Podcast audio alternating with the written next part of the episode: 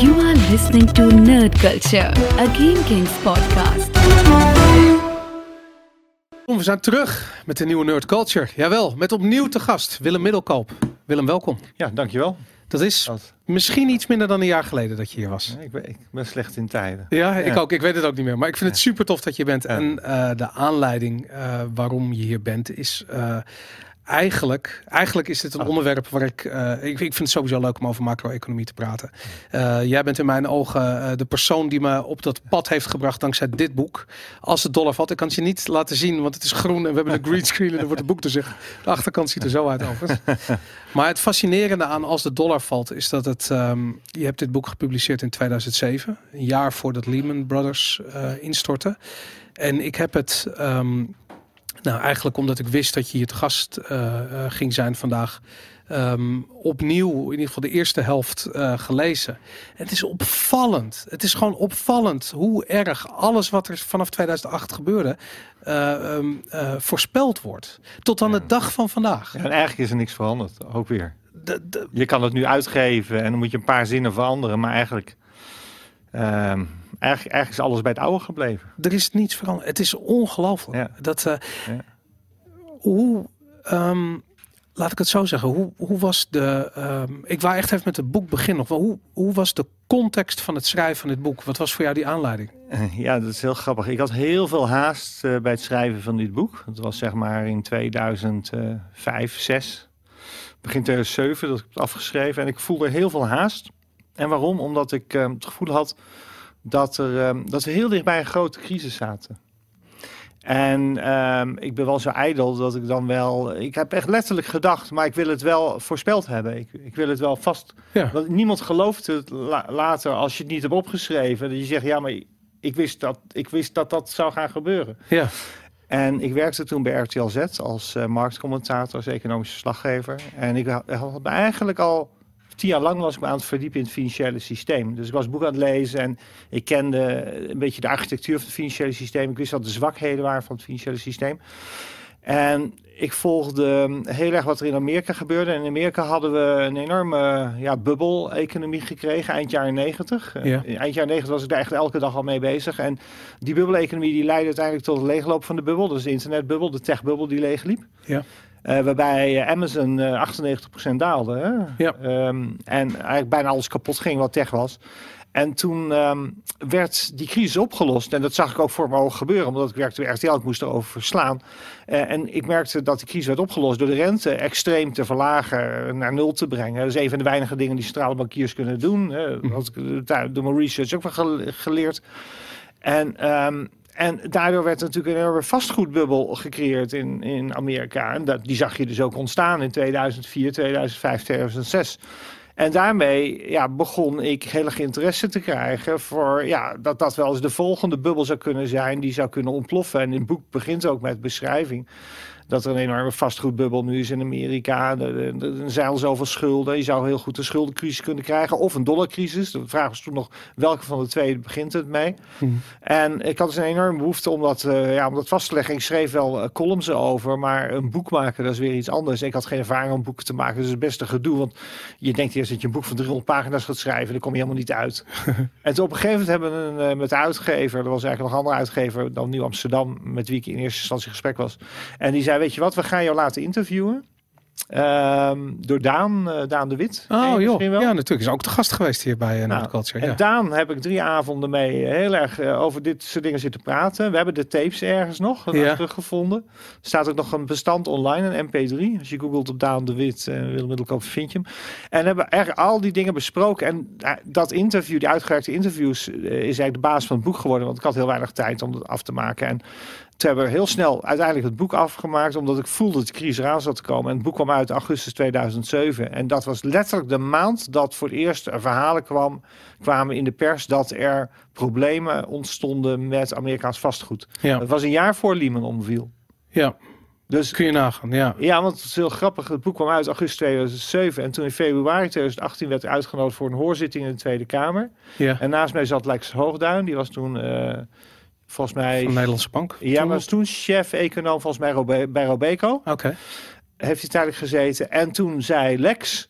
Nou, uh, uitgaande op de historisch uh, bekende feiten, ja, dan is deze crisis over vier maanden voorbij. Dat was februari 2018. en dacht ik, zeg je nou, Lex? En ik kreeg op een gegeven moment ook het woord. En toen heb ik verteld dat we getuigen waren van het grootste monetair experiment uit de wereldgeschiedenis. En, dat, was toen? Dat was zes maanden voor Lehman opviel. Ja. Bizar, ja. En, en Lex zei over vier maanden is de crisis voorbij. Als je naar die story kijkt, dan we weten hoe lang de crisis duurt, bla Ja. En uh, dat was ook de tijd dat uh, de minister van Financiën, toenmalige uh, Wouter Bos, die riep deze storm gaat aan Nederland voorbij. Ja, dat weet ik nog wel goed. En um, nou ja, ik was, ja, ik had het boek geschreven dat er een crisis aankwam en we zaten in de crisis. Dus ik denk van ja, dan gaat de rest ook gebeuren. Dus ik zag die banken in gaan storten en het systeem gaan schuiven. En dat duurde ja, tot het omvallen van Lehman dat opeens die kettingreactie daar was. En toen was het ook eens bom, bom, bom. In een paar weken gebeurde het allemaal. Ja.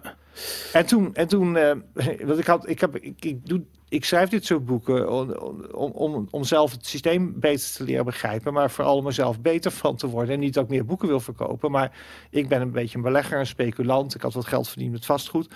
En ik ben toen um, enorm ingezet als ondernemer, want ik werkte als journalist bij RTL, maar ik heb ook daarnaast een ondernemende kant. En ik ben toen gestopt bij RTL in 2008 met twee bedrijven begonnen die allebei zouden profiteren van de komende vlucht naar goud en zilver. Ja. Want uit mijn uh, studie van de monetaire geschiedenis wist ik dat het altijd weer gebeurt in een crisis. Dus ik heb toen twee bedrijven opgezet. Eén was een webshop, Amsterdam Gold.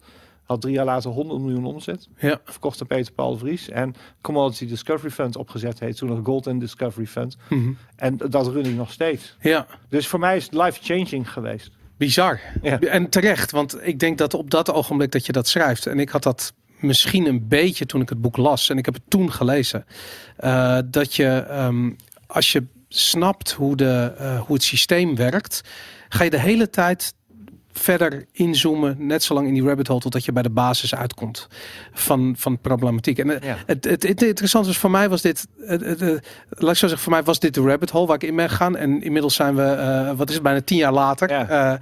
Uh, uh, Bitcoin kwam voorbij, Oostenrijkse schooltheorieën kwamen voorbij. En, ik, en iedere keer ben ik weer teruggekomen bij van ja, eigenlijk is de basis zo ontzettend simpel. En het wordt zo ver verbloemd Ja. door politiek en door de media. En ehm, dat zelfs ja, eigenlijk gewoon politici niet meer snappen wat er aan de hand is. Nee, er zijn er maar een paar die, eh, bij wie het kwartje dan valt. En ik heb nu gek genoeg, het afgelopen jaar was voor mij déjà vu. Het voelde weer precies zoals 2006. Het jaar voor de kredietcrisis losbarstte. Iedereen zegt, Willem, wat zeur je? Nou moet je kijken. Dat goud doet al jaren niks. 40% gedaald, dat zilver 70% gedaald. Die aandelen waar je zit, 80% gedaald. Ja. Eh, want eh, we moeten allemaal in tech geloven. Dat is, hè, dat is de holy Ja. grail. En is precies hetzelfde wat ik in 1999 heb meegemaakt. Wat ik in 2006 heb meegemaakt. Eh, weet je, dat collega's bij RTL letterlijk zeiden van... Willem, hou nou toch op. Je kan niet blijven zeggen dat het fout gaat in Amerika. en Dat het onhoudbaar is. En ja, en eh, weer... Dan gebeurt het. ja, maar het grappige is, weet je, ik, dit boek ligt er, die historie ligt er van tien jaar geleden. En echt, 99% van de mensen die zit maar glazig aan te kijken. Ja, ja. Ik, even terug naar dat schuld. Dat ding van schuld. Dus de, eh, er wordt nieuw geld gecreëerd eh, om bijvoorbeeld een crisis te betalen of om eh, een oorlog te voeren of wat dan ook. Ehm, dat geld dat wordt ehm, eh, door centrale banken ehm, eh, eh, eigenlijk uitgeleend aan overheden. Eh, banken lenen het, het aan burgers uit. Ehm, en op die manier in- inmiddels, Amerika is eh 20 biljoen dollar 22.000 miljard zeg ik altijd. Dat 22 weten mensen waar, je het, waar je het over hebt. Want een biljoen is duizend Klopt, inderdaad. Ja, 22.000 miljard Ja. heeft Amerika als staatsschuld. als staatsschuld. In Europa zijn we hard op weg om mee te doen met dat feestje. Ehm, wat zijn de gevolgen daarvan voor, voor, voor het leven wat, wat wij zien elke dag? Ehm, volgens mij niet in dit boek, maar in een volgend boek hebben we een lijst gemaakt van eh, de 254 ongedekte geldsystemen die voor ons geldsysteem allemaal zijn ontspoord in eh, ja, eigenlijk het waardeloos worden van geld.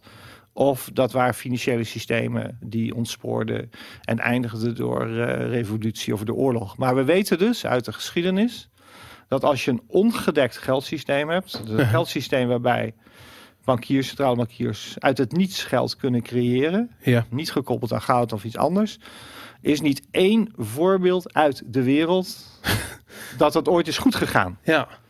En de centrale bankiers zeggen nu, maar nu zijn we zo slim dat we dat allemaal kunnen beheersen. En nu, eigenlijk hebben ze het gewoon helemaal niet over, maar als je, als je ze mee confronteert, dan zeggen ze, nee, maar dat, it's different this time. En dat is een gevleugelde uitdrukking geworden in de financiële wereld. It's different this time. Ja. Want it, it's always different, maar in, in the end, it's always the same. Ja. Dus waarom zou, de 200, waarom zou het 255ste experiment Mhm. Met geld uit het niets creëren wel succesvol eindigen? Maar het interessante is, en volgens mij zag ik daar van de week iets over. Ehm, en het was ook eh, ja, een bankier of een politicus die dat zei. Maar ehm, er is nu eh, op een bepaalde manier, er is een weg ingeslagen waarbij er eigenlijk ongelimiteerd geld wordt bijgedrukt. Eh, eh, en wat ze zeggen is van daarmee kunnen we elke crisis te live. Ja, nou, in principe is dat ook zo. In- En dat is sinds 1971 zo. Nog even terug naar de kern, want je begon net over schuld. De enige manier sorry, om in dit systeem geld te creëren is in de vorm van extra schulden, extra kredieten creëren. Ja. Als alle kredieten zouden worden afgelost morgen, bestaat er geen geld meer. Dus eh, de enige manier om geld in, in het systeem te hebben is, is schuld te creëren. Ehm, als je sinds 1971 zijn we dus in dit systeem terechtgekomen waarbij niets meer eh, door goud is gedekt. Hè. De dollar was nog echt tot 71, 1971 door goud gedekt. Eh, Nixon heeft dat toen losgelaten omdat ze door de Vietnamoorlog eh, de geldkraan verder aan moesten zetten. En de gevolgen van de Vietnamoorlog en de sociale programma's die toen kwamen. Nou, in 1971 is die koppeling losgelaten. En sindsdien konden bankiers dus onbeperkt geld creëren. Dat hebben we gedaan. Dat heeft geleid tot die, eh, eerst tot de inflatiegolf van de jaren 70. Ontstond zeg maar een dollarpaniek. Uiteindelijk is die dollarpaniek... eh, eh, ja, die is, die is ehm, genezen door de rente in Amerika extreem te verhogen. Er ontstond er een diepe crisis begin jaren 80.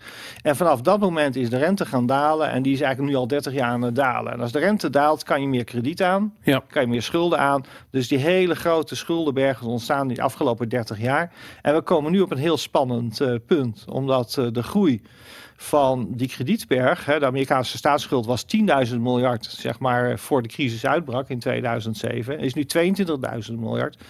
En we kunnen inderdaad bijna alle crisis bezweren door heel veel geld uit niets te creëren en, ja, en dat gewoon de wereld in te gooien. Ja. Maar we weten dus uit de geschiedenis, dat kan 10 jaar goed gaan, dat kan 20 jaar goed gaan, dat kan 30 jaar goed gaan, maar het is altijd e- eindig. Ja, En het eindigt altijd slecht, echt slecht. oorlog, eh ellende. Hyper, hyperinflatie, Ja, ja. altijd. Venezuela-achtige toestanden. Ja, ja. Zimbabwe, Venezuela. Dus aan de randen van het systeem zien we al die hyperinflatie ontstaan. ja. Iran ook. Eh, dus de vijanden van Amerika hebben allemaal hyperinflatie. En Amerika doet net alsof we zelfs maar geen, alsof we zelfs geen inflatie hebben. ja. En over inflatie, daar, daar zien we een hele hoop bedrog. Ja, inflatie is eigenlijk het, het, het, het grote onderwerp. Eh, ehm, te beginnen, kijk, mensen denken bij inflatie altijd van, nou ja, goed, de dingen worden duurder. Ja. En eh, dan hoor je officiële eh, verhalen en dan zeggen ze van, nou, de, de, de CPI, de Consumentenprijsindex, dat Ja. is eigenlijk de moderne versie van vroeger dat boodschappenmandje, Ja. dat ze dus naar de supermarkt gingen, elk jaar hetzelfde kochten en dan konden ze zien hoeveel de inflatie was. Tegenwoordig zitten er eh, ruim 2500 producten in de CPI en hoe het precies wordt Ja, uitgegeven. de belangrijkste zit er niet in. Nee, da- daarom inderdaad. Nou, Heb jij, heb jij wel eens uitgezocht hoe de CPI precies werkt, hoe dat uitgerekend wordt? Ik heb, ik heb niet zelf naar het model gekeken, maar in dit boek, wat uitkwam in 2007, Mhm. hebben we een hoofdstukje. Ik heb al een kort hoofdstuk, hoofdstuk 49, zijn de inflaties dan niet juist? En daarin leg ik uit dat er heel veel, eh, dat er toen heel veel aanwijzingen waren, dus al meer dan tien jaar geleden, dat er een heimelijke oorlog tegen inflatie werd gevoerd. Ja. En eh, ik beschrijf dat statistici hebben een aantal methoden gevonden om de inflatiecijfers naar beneden te krijgen. Of eigenlijk lager weer te geven dan ze zijn. En ik citeer daaruit rapporten hè, dat er bijvoorbeeld als vlees te duur wordt, die staat het letterlijk, als een stuk vlees te duur wordt, dan wordt in het inflatiemandje vlees vervangen eh, door goedkopere hamburgers. Omdat Ja. verondersteld wordt dat mensen op zoek gaan naar goedkopere alternatieven. Nou, er zijn allemaal aanpassingen geweest in dat eh, inflatiemandje, dat inflatie, om die inflatie te berekenen. En ik kwam toen tijdens mijn research op een website, bij een website, eh, shadowstatistics.com, eh, bestaat nog steeds, waar econoom John Williams uitlegt dat de inflatie eh, mandje, het inflatiecijfer, wordt berekend met een model. Maar dat model is drie, vier keer aangepast in de jaren 80 en 90. Ja. En hij heeft het oude model is hij blijven gebruiken. En dan kon hij aantonen dat de werkelijke inflatie, hij beschrijft het hier, hè, in 2007 was de werkelijke inflatie 6% per jaar. En de officiële inflatie was 3% per Ja. jaar. Nou ja, dat, eh, laat ik zo zeggen, dat het, en dat is het eh eh, eh, gare van dat eigenlijk dat met die cijfers wordt gesjommeld. Ik heb het gevoel dat we leven in een wereld waarbij we bijna 10% inflatie per jaar hebben. En dat komt omdat er gewoon een aantal dingen zijn die ik eigenlijk standaard koop. Roomboter, eh, Ja. melk of een liter biologische volle melk. Mhm. Daarvan weet ik 100% zeker dat een paar jaar terug was dat Ja. onder een euro. En tegenwoordig betaal je gewoon rustig. Kijk eens naar 1,40. festivalkaartjes. Nou dat soort dingen. Dat was vroeger 10, 15 euro. Ja, ja. maar daarbij heb ik nog zoiets van: oké, weet je, dat zijn niet alledaags goederen. Dus eh, kijk, de huizenprijzen, dat iedereen ziet wat daar gebeurt natuurlijk. Dat is gewoon. Dat is ook inflatie. dat is inflatie, ja, toch? Ja. Dat mag je toch inflatie Ja, noemen? Alleen overheden onderscheiden dus goede inflatie en slechte inflatie. dus goede inflatie zijn beurzen die omhoog gaan. Ja, Dus als, de, als je een hyperinflatie hebt, zoals in Zimbabwe, dan stijgt de beurs ook 30.000 procent in Zimbabwe dit Ja, jaar. is een En goede betekent niet, nee, dat betekent niet dat het goed gaat in Nee, Zimbabwe. Dat betekent dat het heel slecht is. Maar eh, dat leg ik ook ergens uit in het boek.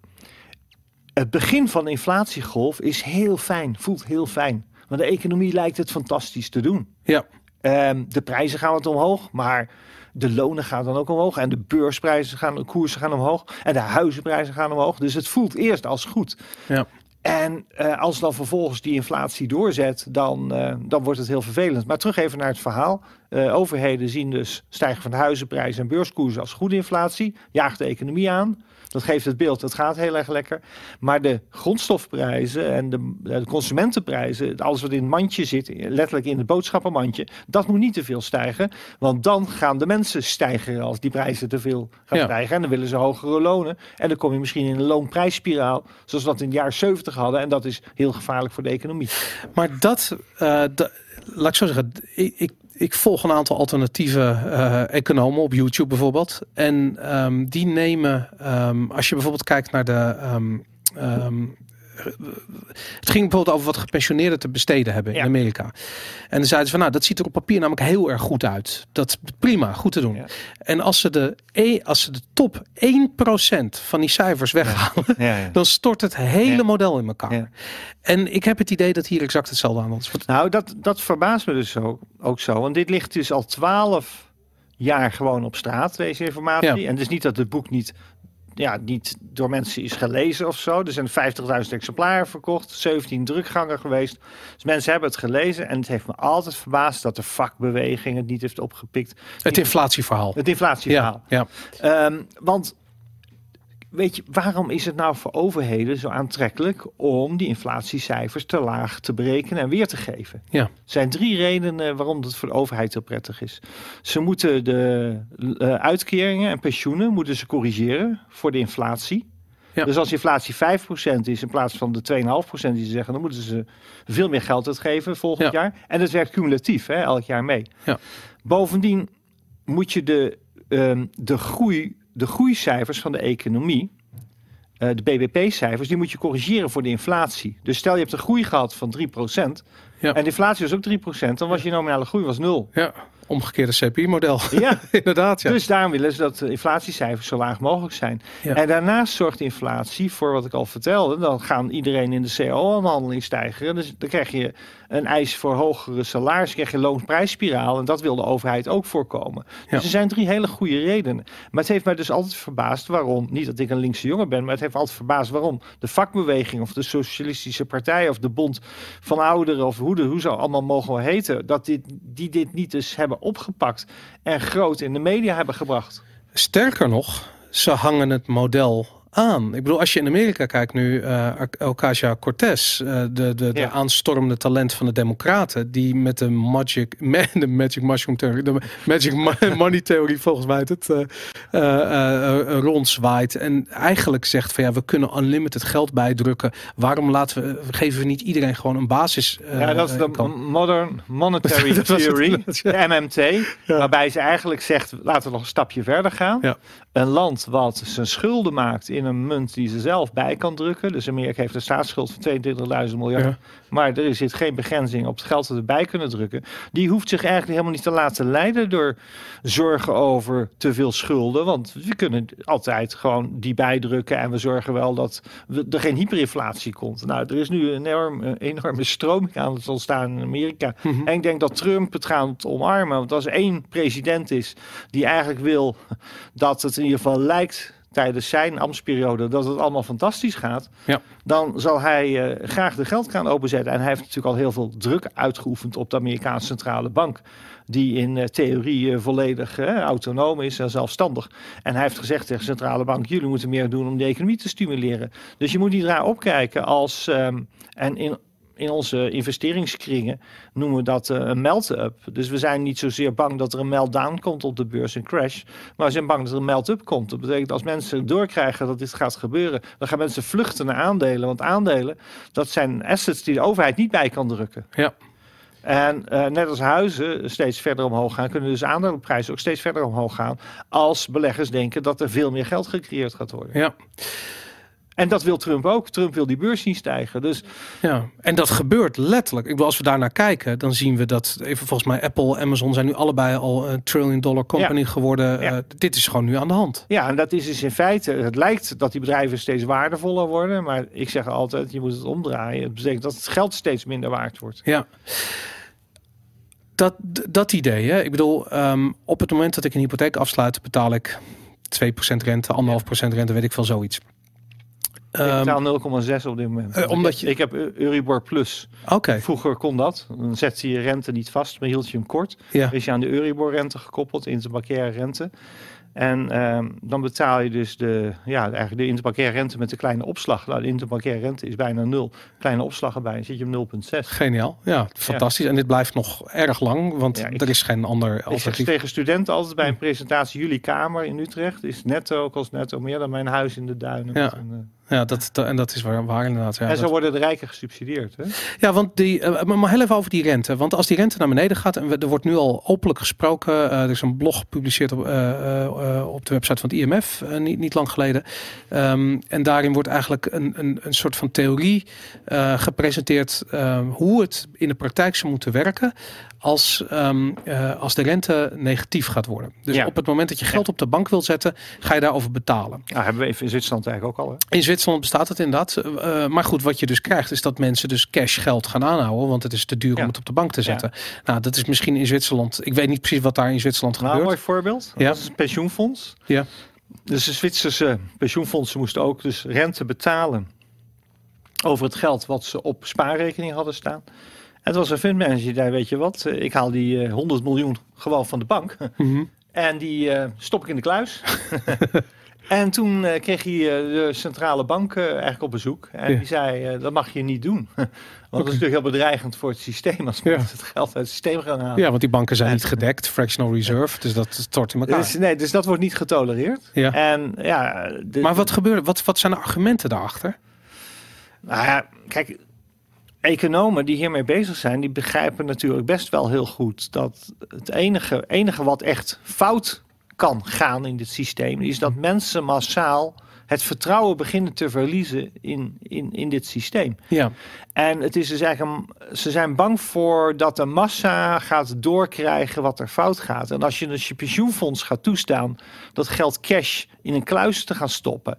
Ja, dan krijg je verhalen over in de media en dat brengt mensen op ideeën. En daar willen ze bitcoin ook niet ondersteunen. Dat brengt ook mensen op ideeën. Ja. Ze snappen heel goed dat mensen kunnen vluchten naar bitcoin. ja, Zoals mensen kunnen vluchten naar goud. Maar dat, dat, dat moet niet gebeuren. Dus er is een Nederlands pensioenfonds geweest. wat ehm, eh, besloot 5% van het vermogen in fysiek goud te stoppen. eh, rond de crisis. En die hebben ook een belletje gekregen. Nog sterker, die hebben een opdracht gekregen van de Nederlandse bank. om die positie te verkopen. Ja.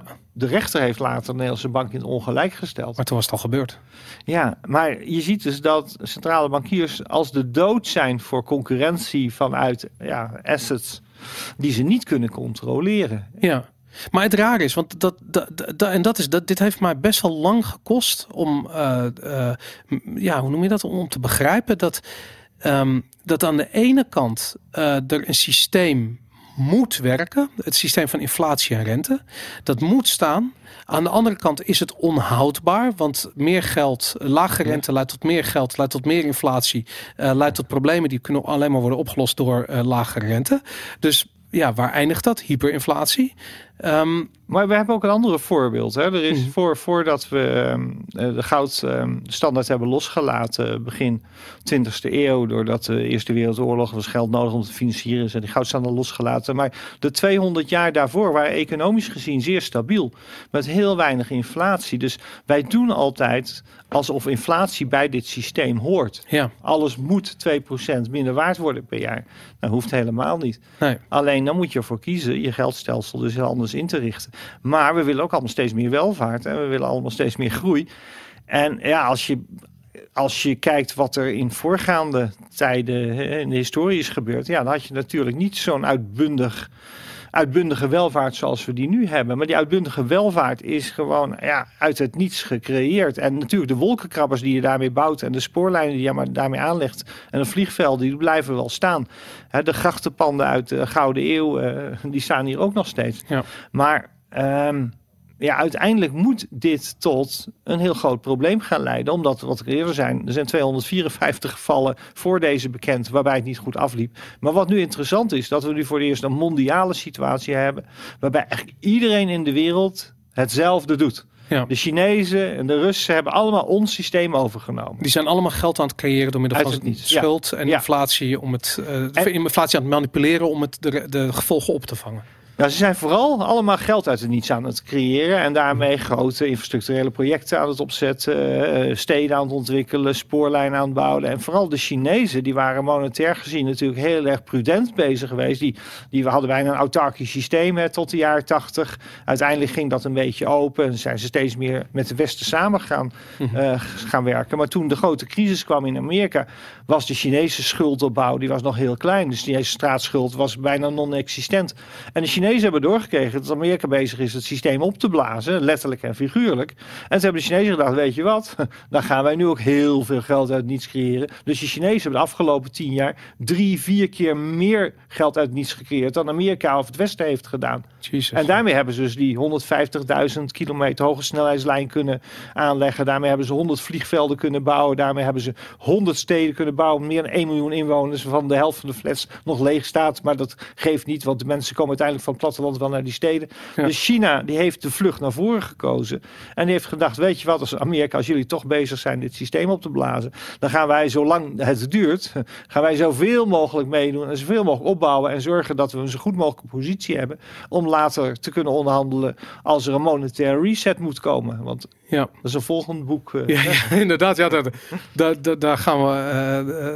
Uh, ik bedoel, dat is waar, waar het eindigt dan op een gegeven moment natuurlijk. Maar um, er zijn twee dingen. Kijk, als we even naar alle. Naar, naar, naar, gewoon de situatie van alle dag kijken. Ja. Een Nederlandse supermarkt. Ik ben altijd zo verbaasd dat bijna iedereen die ik spreek zijn welvaart afmeten aan hoeveel euro's die hij op de bank heeft staan. En die gedachte, daar is zo ontzettend veel mis mee. Om te beginnen, die euro's die op de bank staan, die heb je niet zelf, die heeft de bank. Je hebt een lening uitgegeven aan de bank in principe. Juridisch gezien heb je vorderingen op de bank. Ja, zie ze maar terug te krijgen, die euro's. Ja. Um, ten tweede, die euro's worden elk jaar sowieso 2% minder waard, maar waarschijnlijk in koopkracht 10% minder waard.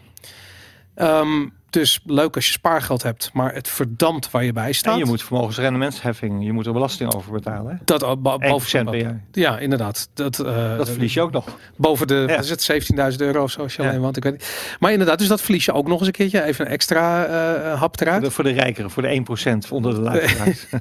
ja. Maar hoe komt het dat niemand dat ziet? Wat is daar zo, wat is daar zo nou, lastig? sluipend is. Is dat zo? Ja, ja en dat is maar zo systeembewust opgebouwd. Weet je, als je sluipend dingen 1, 2 procent per jaar doet. Ja. Um, zo werkt het hele financiële systeem ook. Hè. Als je geld in je, uh, je, je, vermogen in beheer geeft bij vermogensbeheerder.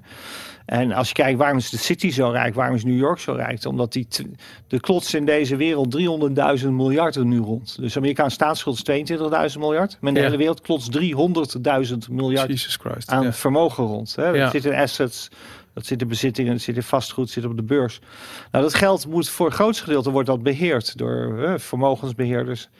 Die vermogensbeheerders die rekenen over dat vermogen gemiddeld 1% per jaar. Dus stel je voor dat je 10% van die 300.000 miljard, dus 30.000 miljard beheer je met vermogensbeheerders in Amerika samen. En dan mag je 1% van naar je toe halen aan fees. Ja. Dan heb je het over al, eh, volgens mij, uh, nou, het is, het is een te groot getal om even snel uit mijn hoofd te doen. Maar nou snap je waarom die bonussen zo hoog kunnen zijn Ja. en waarom de, waarom de City en New York en Manhattan zo rijk zijn. Want er stroomt een continu fee- fee-stroom naartoe. Ja. Dus het systeem is zo opgebouwd dat je steeds, dat noemen ze milking the system, je haalt steeds iets uit dat systeem. Ja.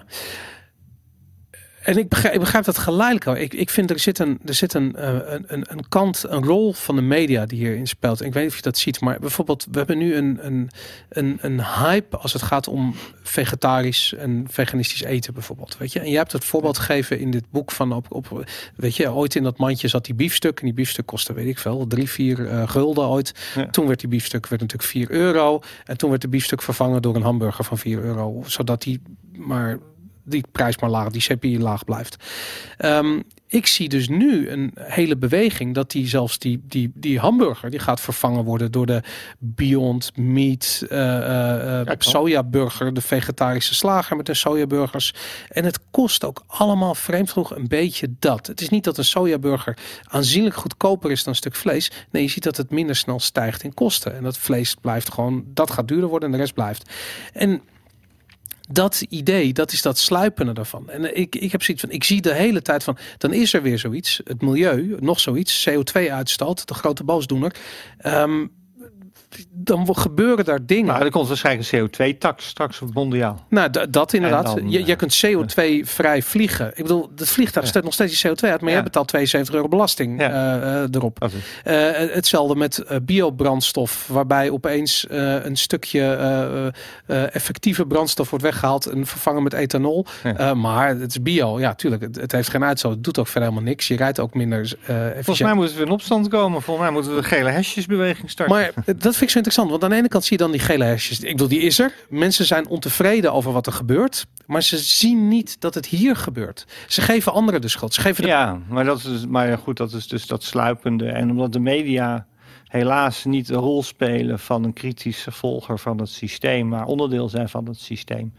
Dus wie zie je dat er in de media worden aangevallen? In de media worden de alternatieve eh, mediafiguren aangevallen die erop wijzen dat we worden bedrogen door het systeem. Ja.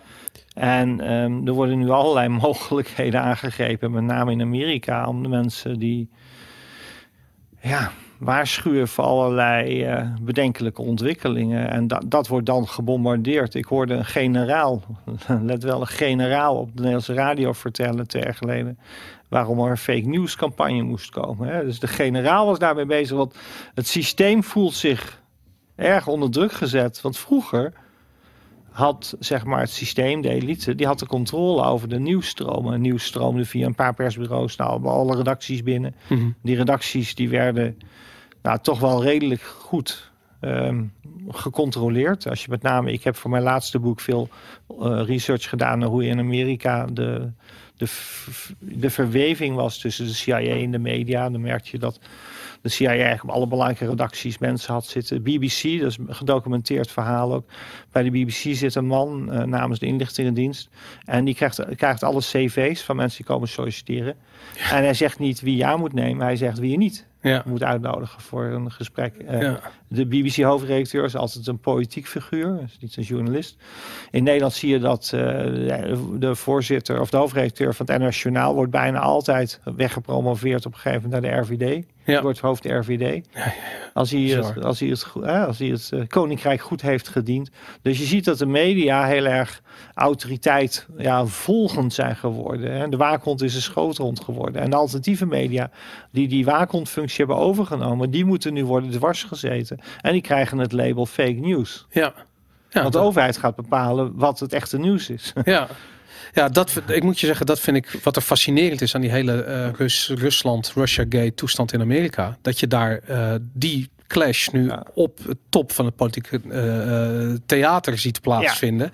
En dat je gewoon de ene speler om zich heen ziet slaan en de andere probeert. Nou, het is te bizar voor woorden. Maar wat er in Amerika gebeurt is natuurlijk eigenlijk heel ernstig. En, en dat moet ook tot een grote explosie leiden. Want we, we zijn het normaal gaan vinden. Kijk, als iemand een filmscript had geschreven tien jaar geleden. En had gezegd dat de figuur Trump president zou worden. En dat hij openlijk in oorlog zou zijn met zijn eigen FBI. Openlijk in oorlog met zijn eigen CIA. Openlijk in oorlog met zijn eigen media. Ja, dan had iedereen gezegd dat is een slecht filmscript. Dat kan natuurlijk nooit gebeuren. Maar we hebben nu zo'n president. En je kan niet een president hebben. Zelfs Nixon was dat niet. Zelfs Kennedy was dat niet. Die openlijk in oorlog is met zijn eigen veiligheidsdiensten. Die openlijk in oorlog is met zijn eigen media. Ja. En dat moet. Dat moet een, een weet je, actie is reactie. Dat moet een backfire opkomen. Hij heeft nu hè, dat Muller-rapport overleefd. Hij voelt zich nu sterk. En ja, ik ben heel benieuwd wat er de komende 12 tot 18 maanden gaat gebeuren. Ja, en zeker als hij herkozen wordt, dat hij de. En, En die kans is groot. Ja, inderdaad. En eh, ja, nou, de- dat is fascinerend. Eh, hoe zie je de. Laat ik zo zeggen, als er een. ehm, kijk, we begonnen dit gesprek over inflatie. En eigenlijk ehm, eh, is er een. eh, eh, is er één groot. Ik bedoel, als je op het moment dat je het probleem schetst. Is het ook eigenlijk logisch om gelijk te vragen van hoe, hoe wapen je je tegen inflatie?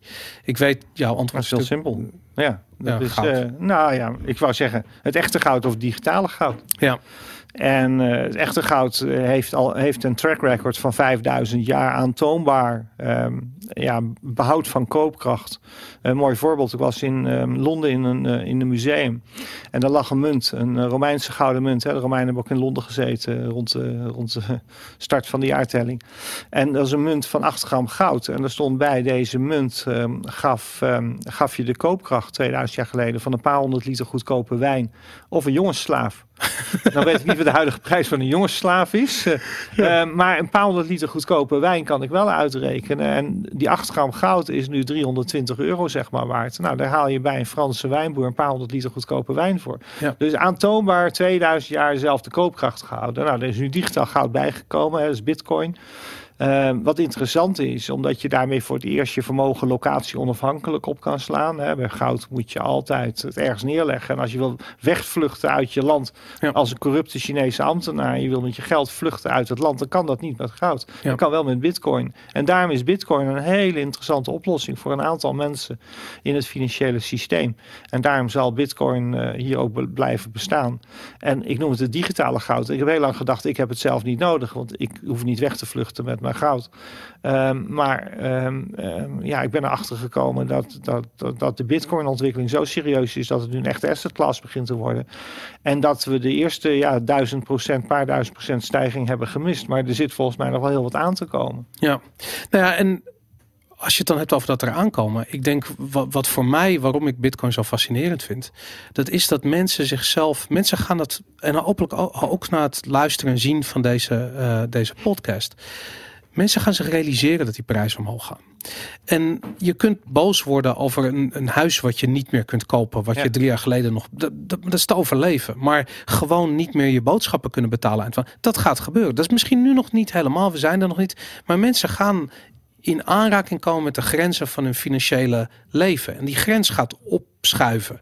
Nou, er gaan dingen vanaf. Die, daar, daar ga, je gaat een keer minder op vakantie. En voor je het weet, doe je. vraag gepensioneerden maar. Ja, daarom. Nee, nee, in, precies dat. Daar, daar zie je Ja. dat. En ik vraag me af op het moment dat je niet meer. Eh, dat je dat ziet aankomen. Het is al te laat. Het is al aan het gebeuren. Het is al die. die, die, die Ja, maar elke dag is de eerste nieuwe dag voor de rest van je investeringsleven. Hè? Ja. Je, dus elke dag begin je weer op nul. Dus je moet nu. Dus eh, ik heb het op kantoor ook wel gezegd. Mensen, ga je dat nu verkopen? Maar we staan op verlies bij die positie. Ja, maakt niet uit. Als ik het nu vandaag in iets kan steken. wat de komende maand harder gaat stijgen dan die verliespositie. dan heb ik het goed aan gedaan om dat vandaag te verkopen. en te draaien in iets wat betere kansen heeft. in euro's.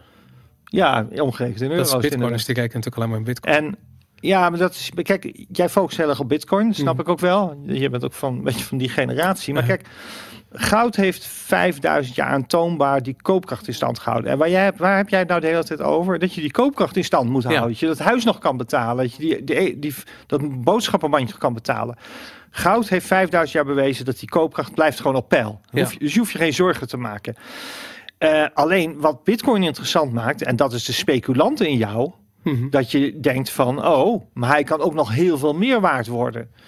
En daar, kijk, ons, ons eh, ik spreek heel veel met de 1%, de Ja. vermogende mensen, die willen dat hun vermogen in stand blijft. Ja, Die willen helemaal niet gaan speculeren per se op iets dat nog maal factor maal 10 of Ja. 100 groter kan worden. ja.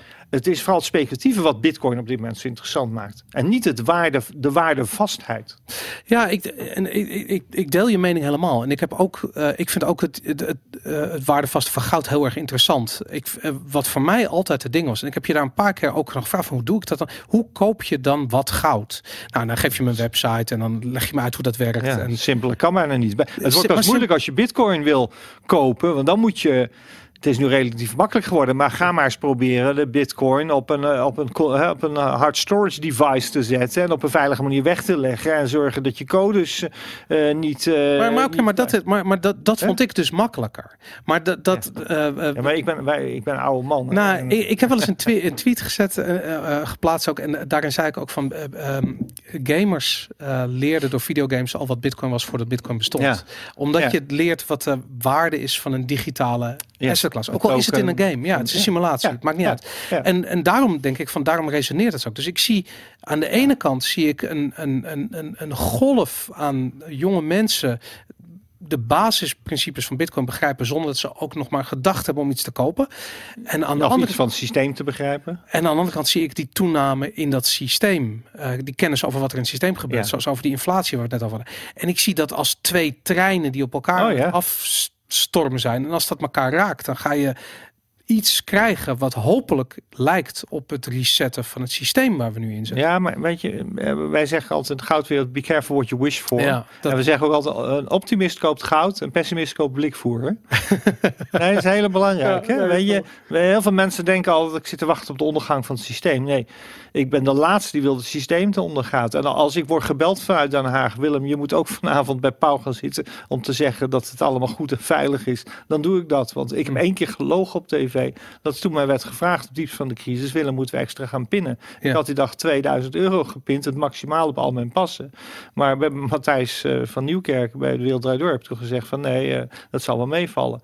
Want je kan niet een, je kan niet een land oproepen om alles te, uit de muur te gaan halen. En hebben ze je dat gevraagd om dat te zeggen? Of had Nee, je zelf, nee, je had nee, is zelf mijn eigen verantwoordelijkheid. Ja, ja, ja oké. ik ja. wil niet dat het fout gaat. Dus Nee. ehm, eh, ik ben een- wat op het een verantwoordelijke burger. Maar ik probeer wel mezelf te beschermen. Ik maak altijd de vergelijking.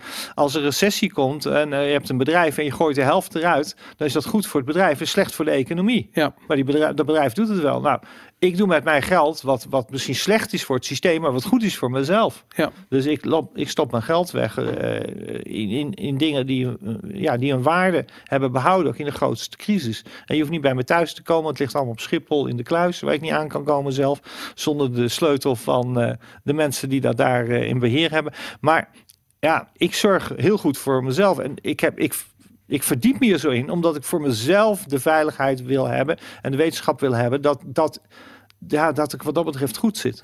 Ja, nou, ik ben het helemaal met je eens. En, en als je dan, laten we het sprongetje maken naar de aandelenmarkt. Je, je zei eigenlijk al, ehm, ehm, eh, eh, vo- voordat we dit gesprek begonnen, hadden we het even over Tesla bijvoorbeeld. Over de, ehm, ja, ook zo'n hype die, die eh, nu blijkt anders uit te pakken dan we dachten. Wat, je, je hebt een Tesla. Ja, al vier jaar, vier, vijf jaar. Eh, ik heb een boek geschreven, heet de Tesla-revolutie. Eh, puur ook gebaseerd op het enthousiasme wat je had voor het merk en voor de... Voor, nee, Nou, nee, nee, dat is niet uit voortgekomen. Het was, ik heb tien jaar geleden een boek geschreven. Na dit boek was er een ander boek, werkte ik eigenlijk tegelijkertijd aan, samen met een briljante jonge wetenschapper. Raymond Koppelaar, en dat heette de permanente oliecrisis. En we wilden aantonen met het boek dat de goedkope olie, die we gewoon oppompen uit de woestijn voor 3, 4 dollar per vat, dat die op aan het raken was. Ja. En de goedkope olie, de cheap oil is gone. En dat stond allemaal in het boek in 2008. En eh, we wilden eigenlijk een update maken van dat boek. Van hoe zit het nu in de energiesector? Wat is er nou waar eh, van uitgekomen? Hoe zijn die alternatieven ehm, zich gaan ontwikkelen? En in dat boek tien jaar geleden, de permanente oliecrisis, schreven we er een klein bedrijfje was in Californië, Tesla, die helemaal elektrische auto's maakte. Dus we gingen weer terug om te kijken wat er van Tesla was geworden. Ik had inmiddels zelf een Tesla, dus ik wist er wat van. Ik vond Elon Musk een, eh, fascinerend figuur.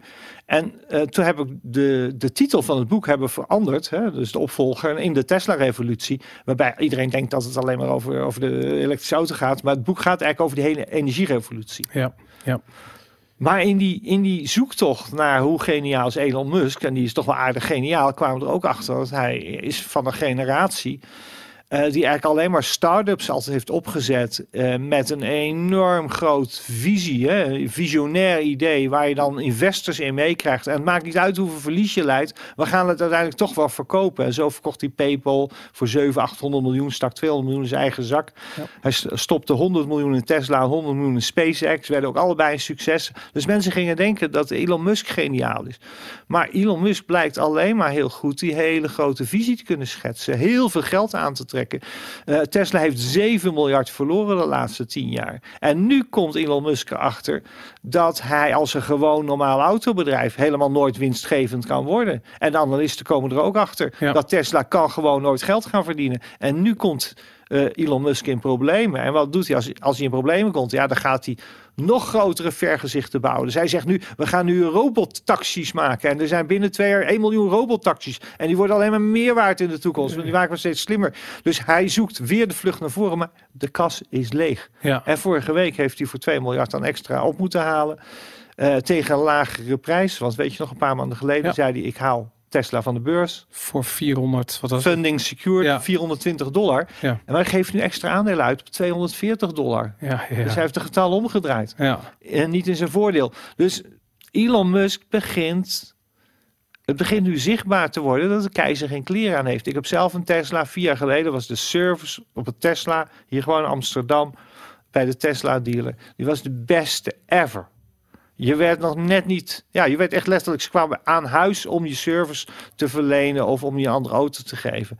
Nu moet je drie maanden wachten om, op een afspraak.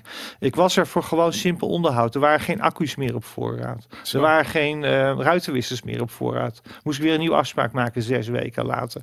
Het is een drama. Als je naar de laatste um, uh, reviews kijkt van het nieuwe model Tesla S, die is zo slecht gemaakt, die is zo slecht ontworpen, die schept, verzamelt modder en sneeuw in de achterbumper. Dus als je door een heel modderig stuk wegrijdt of met veel natte sneeuw, dan breekt op een gegeven moment je achterbumper eraf omdat er te veel Jezus. massa in verzameld wordt.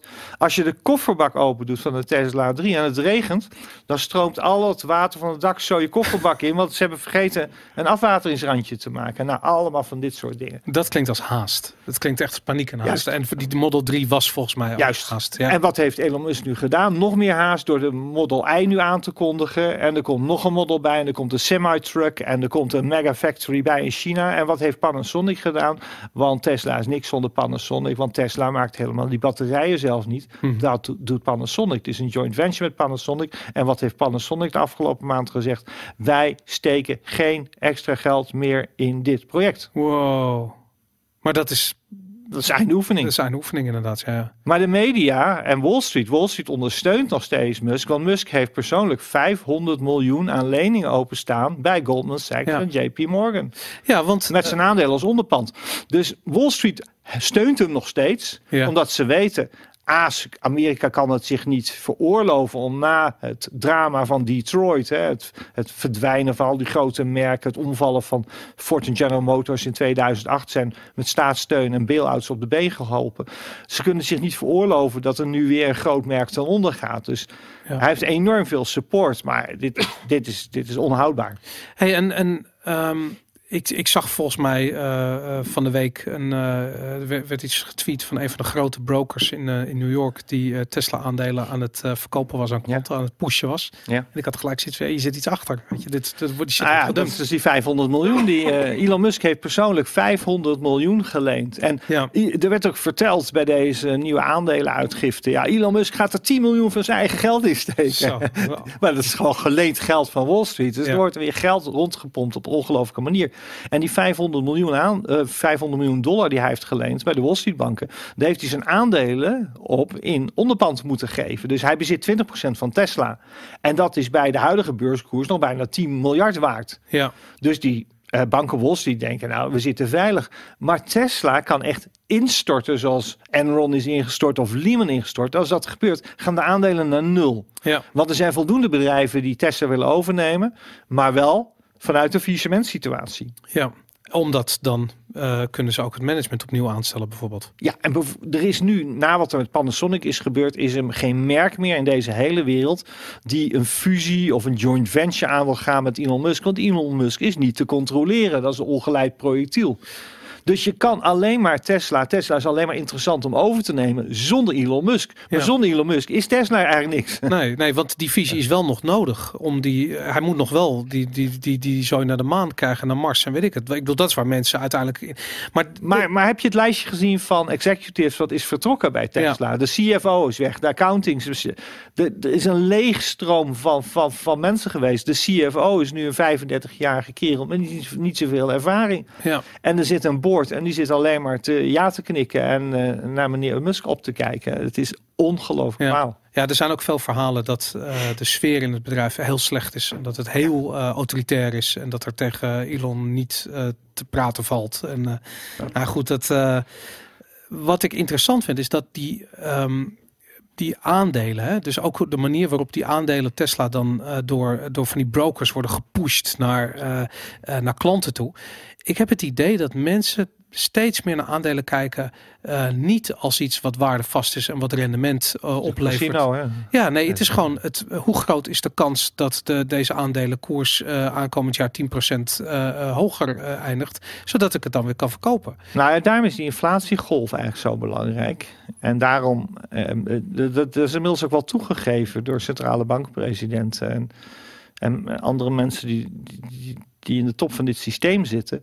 De Amerikaanse economie is zo direct nu afhankelijk van succes van Wall Street. Dus Wall Street mag niet crashen, mocht, Wall Street mag niet structureel dalen.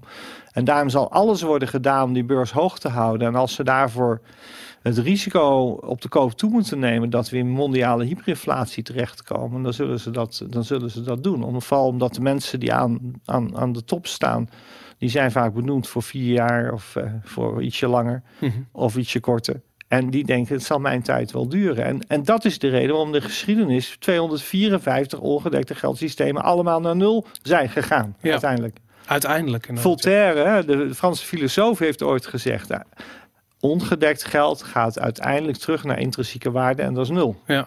In... Voltaire wist het al. Ja, terwijl iedereen over bitcoin in het begin zei, het heeft geen intrinsieke waarde. Terwijl, dat was zo'n ingewikkelde discussie was dat. Ja. Omdat het, uh, je hebt het over gevoel en emotie. Hey, en dan dat, dat, dat big reset idee. Hè? Dat, dat op het moment dat uh, um, die inflatie harder gaat, er meer geld komt, die inflatie gaat harder, de, de rente gaat nog verder naar beneden, geld op de bank uh, kost meer. Um, steeds meer mensen zullen op zoek gaan naar die exit. Naar, naar een, een, een soort safe haven. Naar, naar goud, naar, naar, naar edelmetalen, naar bitcoin. Wat hebben we nog meer gehad? Aandelen, Ja, heel mooi huizen. voorbeeld. Uh, we hebben een heel interessant, een van de beste analyses denk ik over de intrinsieke waarde van bitcoin en het, uh, en het groeipad van bitcoin als, als, als waarde.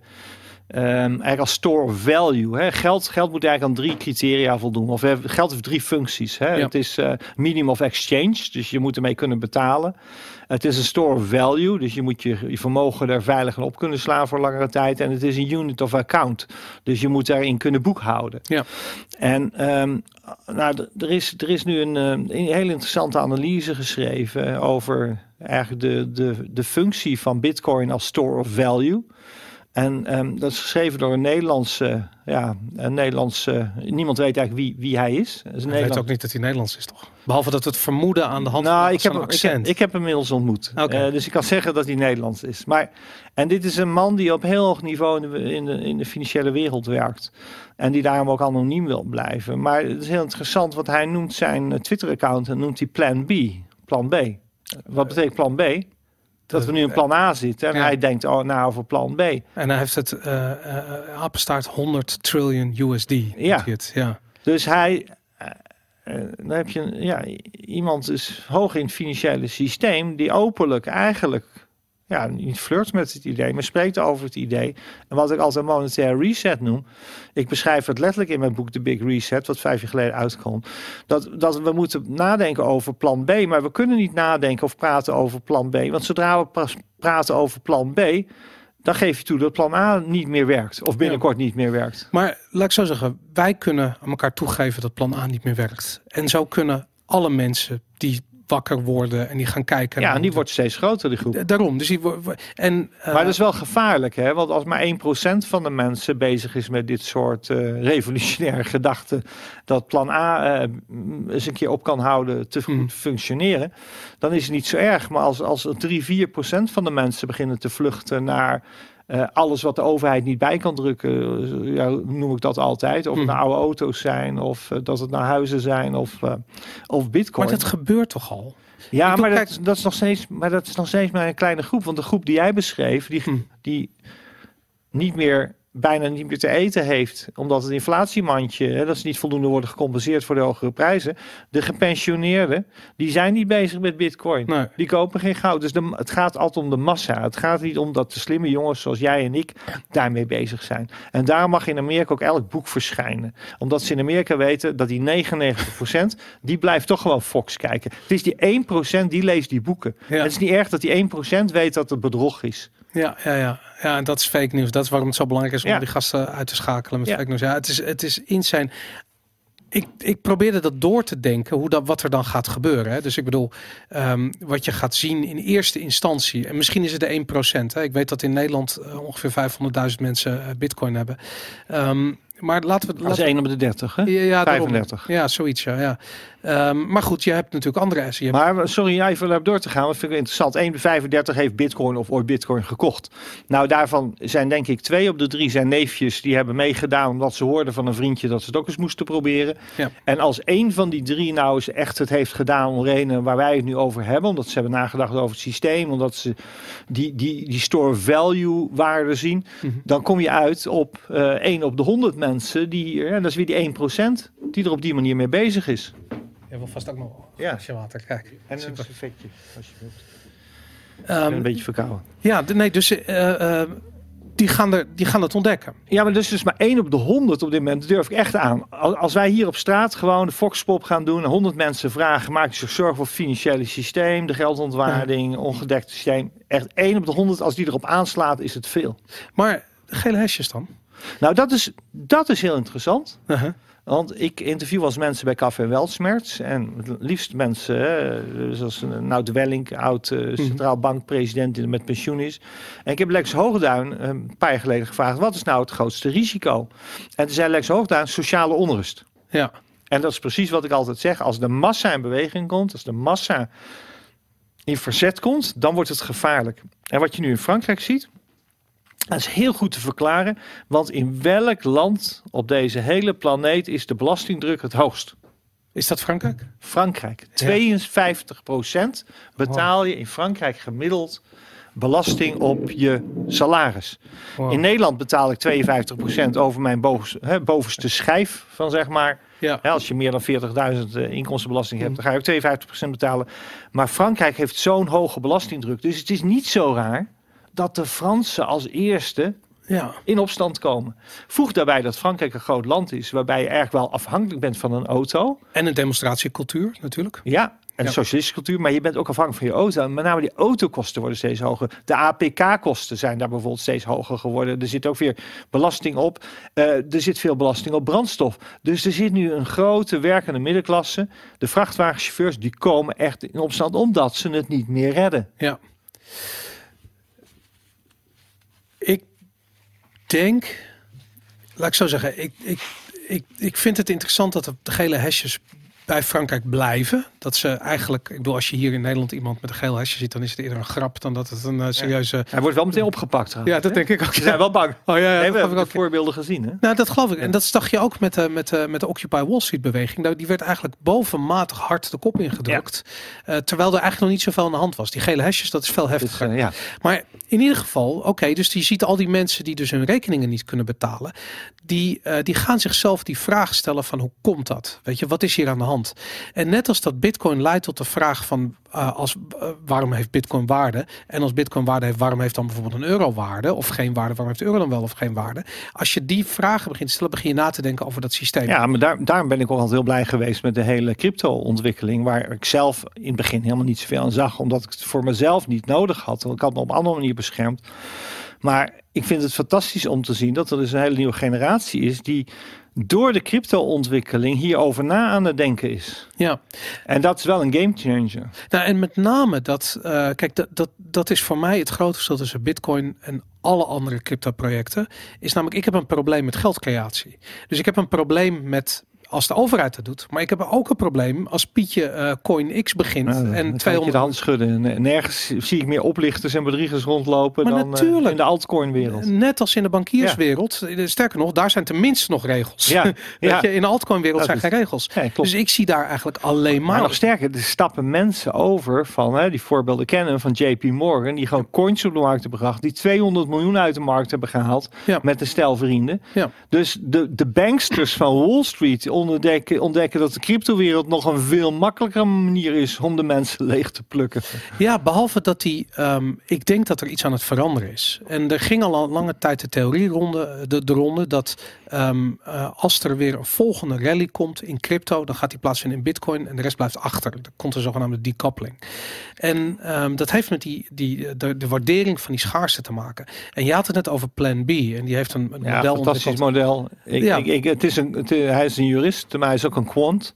En, um, Wat is een quant precies? Een quant, ja, eigenlijk iemand die. Uh, hij, hij, is niet, hij is geen econometrist, maar meestal zijn dat mensen met een econometrische achtergrond. die dus eigenlijk een heel zwaar wiskundig model kunnen maken. waarin je. Um, nou ja, komt wat waarderingen en het wordt veel gebruikt voor risicoanalyse. En, nou, hij, hij zit in de top van het Nederlandse bedrijf, heeft veel van dat soort werk gedaan. Dus ik kan heel modelmatig denken. En hij heeft nu een fantastisch model gemaakt waarin hij eigenlijk laat zien dat Bitcoin een bepaalde ontwikkeling doormaakt. En die heel erg lijkt eigenlijk op uh, de store of value waardeontwikkeling van goud en zilver. En hij, heeft, hij, hij plot dat. Mensen moeten maar eens googlen. Je kan het vinden ook op Twitter. En um, er komt een voorspellende waarde uit. Um, over ja, hij heeft het over de stock-to-flow ratio. Dus ja. hoeveel nieuwe bitcoin er gemined worden ten opzichte van het uh, totale hoeveelheid aan beschikbare bitcoin. Ja, en in goud en zilver gebruiken we dat ook. Want ja. de stock-to-flow ratio is in goud hè, is heel hoog. Want eigenlijk al het goud is altijd bewaard. En dus wat er jaarlijks wordt gemijnd is eigenlijk maar een fractie van de stok, van wat er, wat er,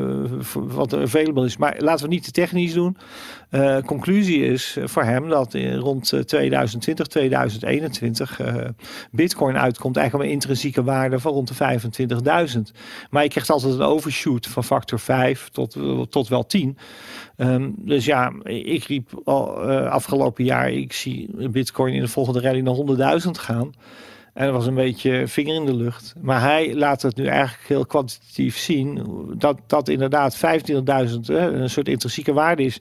Nou, doe dat maar maal 3 of maal 5 maal 10, wat bij een bubbel hoort. Ja. En je komt tot, uh, tot bedragen van 100.000 en meer. En ik, ja, ik vind het een fascinerend model. Maar even los van de speculatie. En van dat het ja. lachen is en gratis geld lijkt en weet ik het. Maar het feit dat uh, men aan de ene kant ontevreden is over de inflatie en de, en de, en de, en de, verlies van koopkracht. En aan de andere kant zie je je buurman rijk worden met, omdat hij een keer een bitcoin heeft gekocht, bij wijze van spreken. Um, denk je niet dat dat zo'n ontzettend aanzwengelend effect heeft op. Um... Nou, daarom is het ook zo ge gevaarlijk voor het systeem. En daarom heeft het systeem er ook zo moeite mee. Of doet, ja, heeft het systeem er zo moeite mee. En doet het systeem er zo lang over om te beslissen of er wel of niet een Bitcoin-ETF mag komen. Omdat het systeem, ja. het systeem weet dat het heel bedreigend is als er iets ontstaat waar ze geen controle over hebben. Maar inmiddels ik was vroeger eigenlijk van, uh, vroeger een paar jaar geleden, was ik van overtuigd dat de G20-landen uh, Bitcoin, uh, cryptowereld het zo moeilijk zou maken dat het echt helemaal gecriminaliseerd zou worden. Maar inmiddels, door toch de, de massale acceptatie van de jonge generatie, is, is eigenlijk duidelijk dat ze, ze kunnen crypto niet verbieden. Ze kunnen het niet vernietigen. Nee. Eh, ze kunnen maar één ding doen. Dat is eigenlijk de, het omruilen in fiat geld. In gewoon geld hè, onmogelijk Da- maken. ja, daar kunnen ze dat is het enige wat ze kunnen doen. Ja. Maar goed, dan blijft bitcoin en crypto blijven nog altijd een grijze waarde hebben. Er blijft altijd een grijze markt in. Maar heel klein beetje speltheorie. Hè? Stel dat ze dat doen. Dat ze dat enige. eh, Christine Lagarde heeft eigenlijk altijd gelachen om cryptocurrencies. Ja. En toevallig heeft ze laatst gezegd. ehm, We zijn er nu ook mee bezig. Nou ja, dat. Maar de- dan, dan heeft ze het over blockchain. Ja. Nee, dit ging erover dat eh, eh, Bitcoin best wel eens een systeemrisico in zich zou kunnen dragen. Ja, Nou, voor het eerst zeggen ze dat. Terwijl iedereen al lang wist dat ze zich dat realiseren. Maar jij zegt van het enige wat ze echt kunnen doen is bij die ingang en die uitgang gaan zitten. Ja. Dus waar je Bitcoin omwisselt naar fiat en waar je fiat geld gewoon euro's Ja, omwisselt. maar naar dat punt zijn ze al voorbij. Maar stel dat ze dat gaan doen. Stel dat ze het verbieden. Echt gewoon Ja, maar verbieden. dat punt zijn ze al voorbij. Dat gebeurt niet. nee, dat denk Waarom? ik ook niet. Dat, dat punt eh, waar, weet je, is Dan wordt Bitcoin namelijk nog groter. Nou ja, maar het punt is gewoon dat punt is gepasseerd. En dat werkt ook alleen als je het met alle landen samen af kan spreken. Als één land, zoals Zwitserland, het niet doet. Ja, En bij Zwitserland is al heel duidelijk dat ze dat niet doen. ja En bij Malta is ook duidelijk dat ze dat niet doen. En bij Litouwen is ook duidelijk dat ze het niet doen. Dan werkt dat dus niet meer. Dus wat heeft de G20 gedaan? Want hier is heel serieus over vergaderd. En er is heel van alle kanten naar gekeken. Maar de G20 vorig jaar heeft besloten... we gaan het maximaal reguleren. ja, En reguleren betekent dat je het accepteert dat het er is. ja. En dat er dezelfde wetten voor gaan gelden als andere assets en asset classes. Betekent dus ook dat je zegt: crypto is een nieuwe asset class. ja. En dan wordt het interessant, want er komt niet zo snel een nieuwe asset class bij. We hebben drie- nou, een paar duizend jaar geleden is vastgoed eh, gekomen, Mhm. wat je zeg maar kon verhandelen. Nou, 400 jaar geleden hebben we de eerste aandelen verhandeld gezien hier in Amsterdam, de VOC, eh, 1604. Daarna zijn de staatsobligaties gekomen, de bonds, Ja. wat een hele grote markt is. Ook een paar honderd jaar geleden is de hele British Navy mee gefinancierd. En daarna is eigenlijk heel lang stil ge- gebleven. En we hebben, nou, je hebt natuurlijk FX, hè, de valuta waar je kan handelen. Maar je hebt nu opeens een nieuwe asset class. En dat, dat noemen we digital assets. ja. Waarvan Bitcoin eigenlijk de nucleus is. Hè, dat is het goud van de, van de digital assets.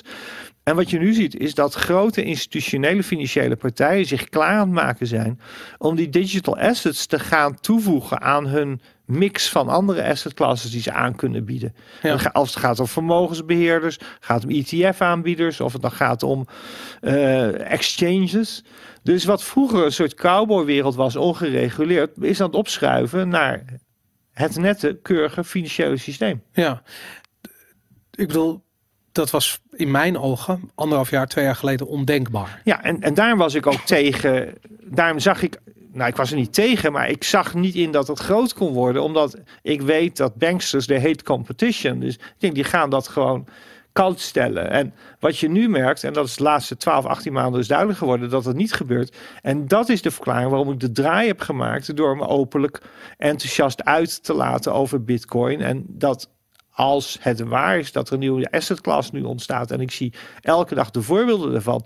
Dan is Bitcoin nu denk ik veel interessanter op deze waarde dan dat het op 100 dollar waarde was een paar jaar geleden. Ja, Want toen had je nog het risico dat het niks zou worden. dat, dat, dat zeg ik al heel lang. De, de, het risico wat je, iedereen heeft altijd van, wow, had ik maar in 2011 eh, Ja. bitcoin gekocht. En ik had zoiets van, toen, je had er nog geen 5 euro in gestoken. Dat Nee, risico was, dat het, het was niks. En, dat, eh, En toen werd er nog gezegd, daar ga je pizza mee betalen. Ja. Maar nee, eh, ik, ik ben bestuurder bij een Nederlandse club die veel, die, hebben de, die zijn marktleider op het gebied van de pinkastjes bij de kassa aan, om af te rekenen. En daar zaten ook jongens en eh, die zeiden, ja jongens, we moeten bitcoin toevoegen aan het systeem, want daar gaan we mee betalen. En, eh, onzin, je gaat niet betalen met bitcoin, zoals je ook niet met goud gaat betalen. Je kan wel met goud betalen. VPRO heeft een keer een test gedaan of je een Porsche kon kopen met goud. Natuurlijk, je wordt niet weggestuurd. Maar die Porsche-verkoper zegt, nou laten we eens kijken wat dit waard is. Maar je gaat je Porsche niet betalen met goud en je gaat je Porsche niet betalen met bitcoin. omdat die store value functie gewoon Juist. veel belangrijker Dus die is. minimum exchange functie, vergeet dat. En er komen straks andere digital assets.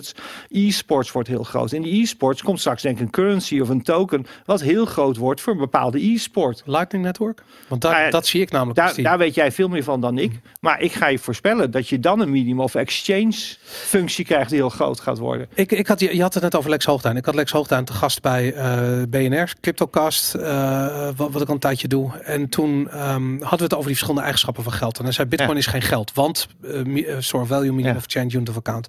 Ehm, en toen eh, zei ik tegen hem van, maar dat hoeft toch niet allemaal tegelijkertijd? Nee, als, maar als de geweldige store value is. Maar het sterker nog, het is altijd eerst een store value. Goud was het eerst een store value voordat iemand er een muntje van ging Ja, maken. klopt. Ja, En, klopt. maar ik realiseer, en hij had zoiets van, ja, dat, nee, dat moet drie eigenschappen. Ja, maar Lex, nou ja, Lex, eh, hij kijkt altijd een beetje bedenkelijk, maar ik ken hem vrij goed. Maar ik zeg al, hij is mijn favoriete studeerkamergeleerde, want Mhm. hij is een geweldig eh, grote geest en een hele slimme man. Maar hij denkt wel heel erg altijd vanuit de theorie en het model. Ja, Terwijl ik ben eigenlijk ongeletterd en niet gestudeerd en allemaal autodidact. En ik kijk altijd hoe, het- hoe het in de gewone mensenwereld aan toe gaat. En als de gewone mensenwereld bepaalde dingen als geld gaan accepteren, dan ja, dan. Wij zijn een beetje denk ik hetzelfde. Dan, dan zeggen wij ja, maar kijk eens, het gebeurt toch? praktijk, Ja. praktijk wijst toch uit dat. Ja. En, ehm, en, en daarom, ja, daarom eh, botsen, botsen we wel eens met Lex. Ik, ik zag, eh, ik, ik had toevallig laatst iemand aan de telefoon van het Mises Instituut. En Mises is een eh, organisatie die eigenlijk Ja, ja. het Oostenrijkse gedachtegoed, een economische theorie. De Oostenrijkse school, google het. ja, inderdaad, heel erg interessant. En die zei van eigenlijk komen er nooit econo afgestudeerde economen bij ons. Want dat is zo moeilijk om dat, die hele studie weer af te leren. Ja, ik weet een heel mooi grapje. Ja. een economengrapje. Een derde van de economen die in Amerika is afgestudeerd, die werkt bij de Fed. Ja. Een derde heeft er gewerkt en een derde wil er werken. en daarom zeggen ze allemaal hetzelfde. Dat Ja. de, Fed, Fed, de Fed is right. Dat en we is kunnen, zo, ja. En, en eh, voor de niet-economen onder ons of mensen Wow. die, dat, eh, die, dat niet, eh, die dat niet goed, die niet zo goed in thuis zijn. Je hebt dus de Chicago School of Economics, de Amerikaanse leer, de Fed leer, de Keynes leer. En, maar je hebt daarnaast de Oostenrijkse leer. En dat is een, dat is een leer die er helemaal tegen, tegen ingaat. En ik heb wel eens studenten gevraagd hier ook in Nederland. Hoeveel uur wordt in jullie studie economie aan de Oostenrijkse school besteed? Een middag. Een middag, dat verbaast me nog. Maar wat heel interessant is, Lex is gepromoveerd op de Oostenrijkse school. Ja. Dus Lex zit Ja, je wat kunt je eigen onderzoek natuurlijk doen. Ik had eh Tuur de Meester eh, op een gegeven moment eh, daar te gast. En die zei, en ik vroeg hem daarna van ja, is eigenlijk niet Bitcoin de killer applicatie voor het Oostenrijkse school gedachtegoed? En hij zei van het probleem wat heel veel eh, ehm, eh, mensen die de Oostenrijkse school aanhangen hebben, is dat ze eh, zich helemaal blind staren op goud. Ja, En dat ze niet voorbij goud kunnen kijken, omdat ze nog nooit. dat is, Ja, we hebben, maar we hebben ook nog nooit zoiets zien ontstaan, natuurlijk. Weet je, we hebben nooit. dat is het fascinerende nu. En Daar, nou ja, ik, ik ben dan niet de grootste pleitbezorger geweest van Bitcoin. Maar ik, ik ben wel, wel on the record dat ik het al vijf jaar digital gold noem, gewoon in presentaties. Ja. Omdat ik wel inzag dat je, dat je bij Bitcoin iets hebt wat. Ja, wat niet bijgedrukt kan worden. Wat wel heel zorgelijk is, al die forks die zijn uitgevoerd. Hè? Want Ja. daarmee ging. eh, hè, bij Bitcoin hebben we het ook gezien. Bitcoin Cash en Bitcoin Diamond. En dan begint het verdacht veel op eh, fractioneel bankieren te lijken. Hè? Maar, maar dat is waar Bitcoin echt waarde kreeg. Want toen die community erachter ging staan, toen bleek opeens van de hele community kan besluiten dat dat niet de juiste weg is. Nee, maar op een gegeven moment was het natuurlijk, er werd zoveel waarde uit niets gecreëerd bij elke fork. Ja, Nou, dan doet iedereen graag mee, staat iedereen te klappen. Dat is net als de bankiers op Wall Street, die staan te klappen als de goudstandaard eraf gaat in 71. Want ze kunnen op dat moment onbeperkt hun financiële spelletjes doen. Ja. En wat de crypto community deed, was gewoon ongebreideld financiële spelletjes uithalen met crypto's. Ja. En kijken hoe gek je het kon maken. Ja. En je kon het zo gek maken tot het een enorme bubbel werd. En die dan vervolgens leegliep. Maar ze waren zo...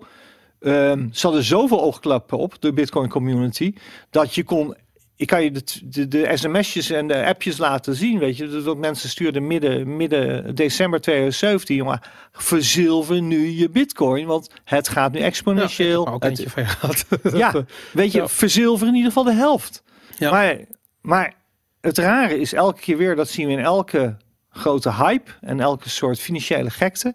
Mensen worden letterlijk verblind, Ja. letterlijk verblind door hebzucht. Ja.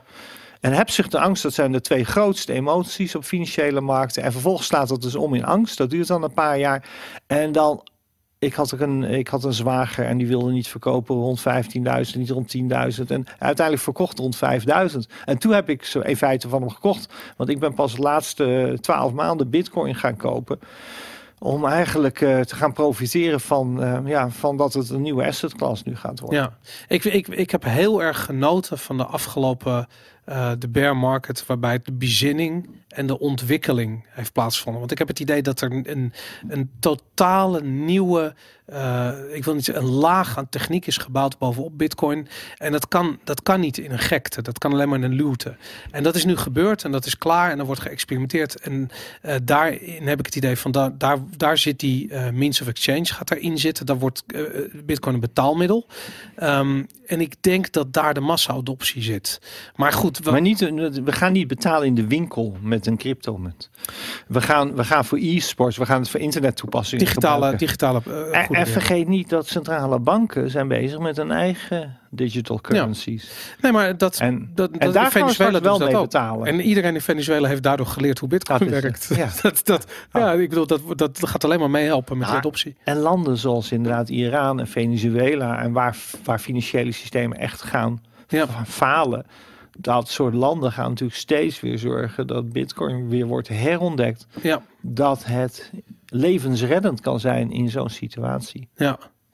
Nou, Willem, ik, uh, ik vind het fantastisch. Ik, uh, um, ik denk dat er nog één hoofdstuk mist aan dit boek. Ja. En als je het opnieuw uh, gaat uitbrengen, wat je zeker moet doen. Want, Dan moet de crypto-bijbel. De, de, de, maar serieus, er moet hier ja. een Bitcoin-hoofdstuk bij. Want dat is het nou, enige wat je niet voorzien hebt in 2007. Ik, ik heb het grote Bitcoin-standaardwerk natuurlijk ook gelezen. Ja. Terwijl er een contactdoos op mijn voet oh, valt. Ja. Maar ik blijf er liggen. Het is Blammo Studio. Van uh, onze Libanese vriend. CVD uh, Amous. Ja, ja toen bladerde ik door het boek. Toen dacht ik, god, dat lijkt heel erg op mijn boeken met de geschiedenis van geld, ja. functies van geld. Absoluut. Ik had slimmer moeten zijn en gewoon een hoofdstuk over bitcoin toe moeten voegen een paar jaar geleden. In 2007. Zo van de zou die. Nee, want toen was er nog geen bitcoin. Nee, weet ik. En het grappige is, omdat ik natuurlijk met dit soort materie bezig was, werd ik in 2009 of 10 al getipt door mensen. Willem, er is nu iets als bitcoin. Heb je het gehoord?